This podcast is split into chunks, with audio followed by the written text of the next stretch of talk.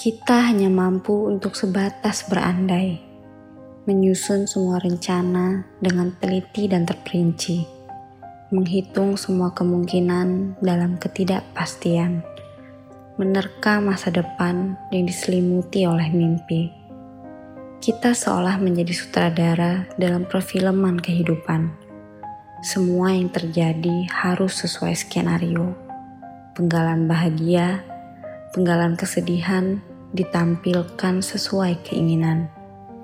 Kita menjelma menjadi sosok penentu, menjelma menjadi dalang dalam wayang kehidupan. Walau sebenarnya kita hanya menerka-nerka, tanpa tahu apa yang akan ada di depan mata. Kepintaran yang tidak seberapa itu bahkan meniadakan peran sang pengatur semesta. Kita lupa bahwa kita semua justru masuk dalam skenario-nya. Dia mengetahui yang akan datang. Kita hanya bisa menerka-nerka. Dia merekam semua kejadian dari awal kehidupan. Kita obrolan kemarin pun sudah lupa.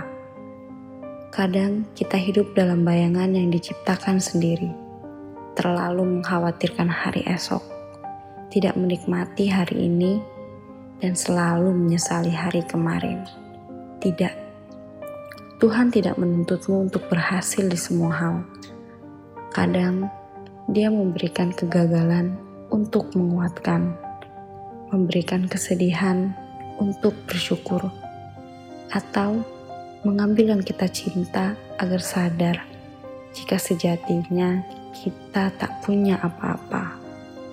Kita hanya ditugaskan untuk berusaha hanya ditugaskan untuk meminta dalam doa, sebagai tanda kita lemah tanpa kehendaknya.